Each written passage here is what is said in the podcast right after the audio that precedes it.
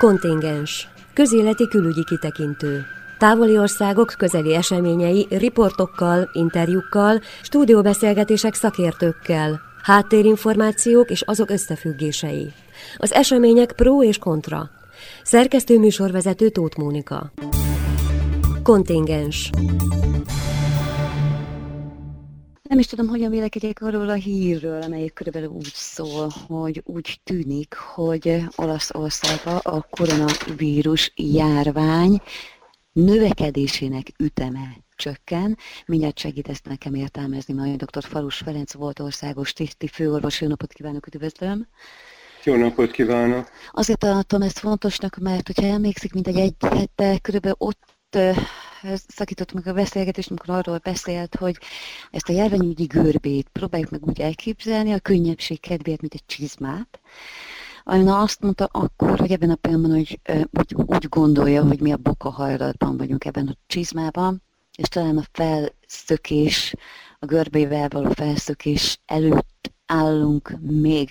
Ugyanakkor talán egy időfaktort lehet satszolni, azzal kapcsolatban, hogyha mondjuk Európában Ugye az elsők között volt Olaszországban megjelent a COVID-19. Most úgy tűnik, mintha legalábbis megtorpant volna a COVID-19 pusztítása, mert a terjedése nem. Ez mit jelent, vagy jelenthet a számunkra? Hát ezt a megállást én nem érzékelem őszintén szólva. Mm. Talán egy pici lassulás kétségtelenül van, de egy kanadai példát szeretnék hozni, hogy Kanadában ez a görbe ilyen fogazott lett, hogy egy kicsit emelkedett, egy kicsit visszaesett, egy kicsit megint emelkedett. Nem nagyon lehet tudni, hogy ez a vizsgálatok száma, vagy tényleg a megbetegedéseknek a, a gyakoriságával függ össze. Tehát, hogy azért olyan nagyon ne bízzuk el magunkat attól, mm. hogy ez most egy picit visszaesett. De ami lényeges, és ami a legfontosabb, hogy az, hogy Magyarországon a lakosság jelentős része elkezdett kevesebb szociális kapcsolatot tartani a vele nem közös háztartásban élőkkel, ennek a hatása egyértelműen látható. Tehát időt nyertünk, és ez a kormányzat számára rettentő fontos eredmény, mert van lehetőség arra, hogy bizonyos intézkedéseket megcsináljanak, építsenek kórházat, átszervezednek, embereket vezényeljenek, megtanítsák őket a védőeszközök használatára. Tehát minden nap nyeresség rettentő fontos azoknak, akik a kórházba a következő időbe be fognak kerülni. Azt mondja, a kórházba a következő időkbe be fognak kerülni, milyen körülményeket tapasztal, Utána nézette annak az információnak, hogy a 11. kerületben dr. László Imbe polgármester kerületében két házi orvos fertőződött meg koronavírussal egyértelműen, hogy a felszerelés, a védő felszerelés hiánya miatt. Ez, ez, ez semmi különleges nincs. Erre föl kell készülni. Olaszországban mm. két nappal ezelőtti hír szerint 51 orvos halt már meg. Tehát mm. nekünk arra kellene vigyázni, hogy a, nálunk jobban kellene vigyázni azokra, akik a mi életünkre vigyáznak, jobban meg kellene őket becsülni, biztosítani kellene nekik a, azokat a feltételeket, hogy a legkisebb kockázat, csökkenteni a kockázatot a lehető legkisebb mértékre. Alapvetően itt a legsúlyosabb helyzetben az a súlyos betegek ellátásával foglalkozók vannak és lesznek. Az a baj, hogy egyre többen lesznek ezek, és a szakemberek száma nem fog nőni, tehát nagyon sokan fognak segíteni nekik, akiknek nincsen olyan nagy gyakorlatuk, mint azoknak, akik ezt évek óta csinálják. Igen, nagyon sok önkéntest vontak be most a folyamatba, egyébként nem csak az egészségügyi szinten, hanem ami nekem fura, honvédelem szintjén is, de majd meglátjuk, hogy ennek mi lehet az oka. Ugyanakkor egy pillanatra menjünk még vissza egy nemzetközi kitekintésben. Lombardia 416 beteg veszti életét az elmúlt napban. Szombat 549 és pénteki 541 után, ne haragudjanak megint a hallgatók, hogy számokkal dobálozom, mint Újhely István esetében, de ugyanakkor azért érdekes nekem a jelenség figyelni, hogy egyébként a kínaiak is, ahol ugye ott is már hírt adtak arra, hogy megállították a COVID-19 eh, járványt, hogy eh, egyáltalán nem kizárt, hogy a COVID-19-et nem ismerjük. egyáltalán nem kizárt, hogy azon görbe szerint fog működni, amit előre feltételezünk, akár mondjuk a sors, akár más ilyen típusú vírusok esetén vírusok miatt. Lehetséges, hogy ez egy természetes, kérdezem öntől, lehetséges, hogy ez egy természetes hullámzása annak, ahogyan mondjuk végigmegy Európán? Minden lehetséges. Olyan keveset hmm. tudunk erről a vírusról, és olyan kevés biztos információnk van. És ugye az eltelt hónapokban azért az derült ki, hogy amit tegnap biztosnak hittünk, az nem biztos, hogy ma is úgy van. Tehát nagyon óvatosan kell figyelni ezeket az eseményeket, és egyáltalán nem biztos, hogy amit más vírusfertőzésekről, más járványokról tudunk, az egy-egybe ide alkalmazható. Ami pillanatnyilag látható, és szombaton délután az Európa Intenzív Terápiás Társaságnak egy fantasztikus konferenciája volt. Délután kettőtől este tízig tartott magyar idő szerint. A világ hát interneten persze egy ilyen webinár volt. Mm. A világ minden részéről gyakorló, intenzíves osztályvezető főorvosok beszéltek arról, hogy náluk mi történik. És azt derült ki, hogy mindenütt baj van sehol nem elegendő a védőfelszerelés, sehol nem elegendő a szakembergárda, eh, sehol nem tudják azt a protokollt betartani, amit tanultak, azt és amit kellett volna. Hogy vannak olyan protokollok egyébként, amik ilyen helyzetben elővehetőek? Vannak protokollok, Magyarországon is van. Most már három olyan mondjuk, hogy ilyen tankönyvszerű anyag jelent meg a lényeges. Az egyik, hogy önkéntesek hihetetlen gyorsan lefordították a kínaiak által összeállított anyagot, ami a kínai járványnak a tapasztalatait összegzi, ami egy nagyon jól használható kézikönyv arra vonatkozóan, hogy hogy kell a betegeket irányítani, elkülöníteni, és így tovább. Utána elkészült egy magyar szakemberek által írt hasonló könyv, az is megvan, az is hozzáférhető szabadon az interneten, és a szakmai kollégiumok minden szakmára vonatkozóan elkészítették a, azt a speciális eljárásrendet, amit ebben a járványos időszakban kell alkalmazni. Tehát, hogyha minden szakorvosnak megvan a lehetőség arra, hogy a saját szakmájához szükséges speciális információkkal felvértezve várja a következő heteket. Megenged két hallgatói kérdést? Talán mutatják is azt, hogy, hogy mennyire össze-vissza omlik a fejünkre minden. Az egyik az, hogy igaz-e, hogy a malária gyógyszere gyógyítja a koronavírust?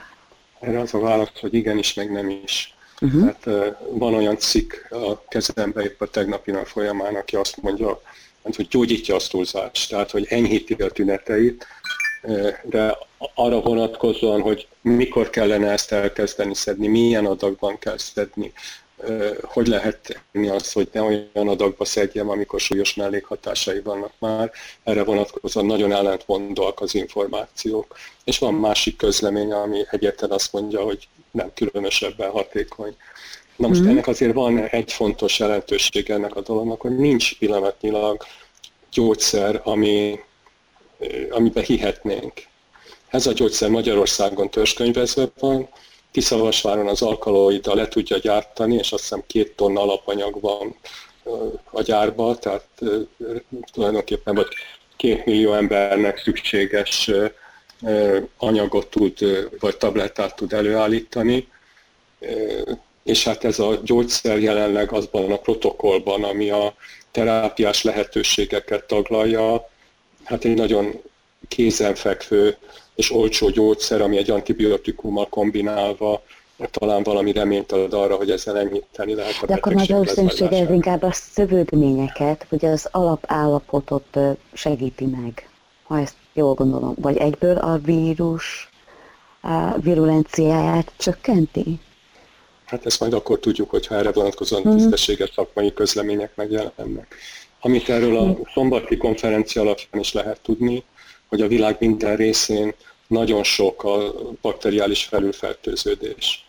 Tehát, hogy a, tulajdonképpen vakon elkezdenek anti, széles spektrumú antibiotikumot adni a betegeknek, ami nem a vírusra hat, hanem a felülfertőződést és a szövődményeket próbálják ezzel enyhíteni. Uh-huh.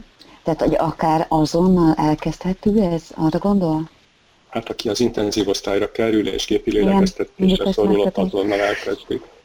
A másik kérdés pedig... Bocsánat, bocsánat, még egy mondatot engedj meg. Tehát itt Figyelek, egy éles persze. határvonal van.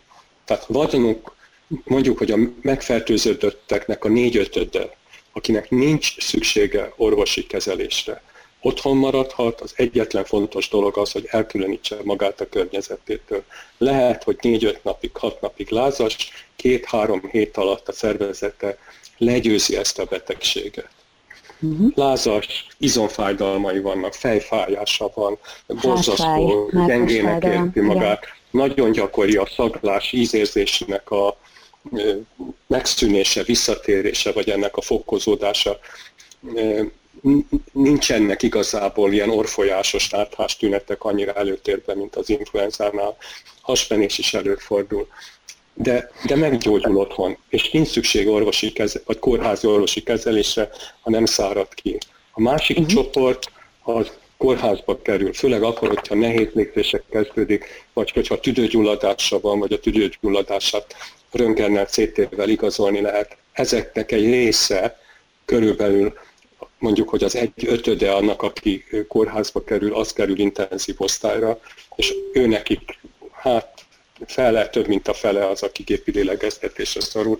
Tehát a betegségnek a 15-17. napján romlik a betegek állapota annyira, hogy az intenzív osztályon vannak. Tehát nagyon nagy a különbség egy infarktus vagy egy agyvérzéshez képest, ami hirtelen jön. Ez a betegség fokozatosan romlik, és ebben is van olyan, hogy két-három napig nagyon rosszul vagyok, mintha jobban lennék van egy kis szünet, pár, és aztán Pár percünk van, két dolgot hadd kérdezek már meg gyorsan öntől, aztán talán keresném még, hogy találkozzunk, beszéljünk. Az egyik, hogy minden vírus DNS vírus, mondja ezt valaki, ezért aztán nem is tudom, hogy miért félünk ettől annyira. Hát két dolog. Ez egyik maga a kijelentés, hogy minden vírus DNS vírus. Történetesen azt hiszem, ez, nem ez, DNS egy darab, vírus. ez egy darab RNS vírus éppen a, a COVID-19, de javítson majd ki, ha tévedek, mitől ennyire veszélyes. A másik, hogy pár percünk van, úgyhogy még megkérdezem öntől, az ibuprofen tartalmú gyógyszerek, rácsillapítók, fájdalomcsillapítók vajon hatással vannak-e bármilyen szinten arra a szervezetre, amiben a COVID jelen van?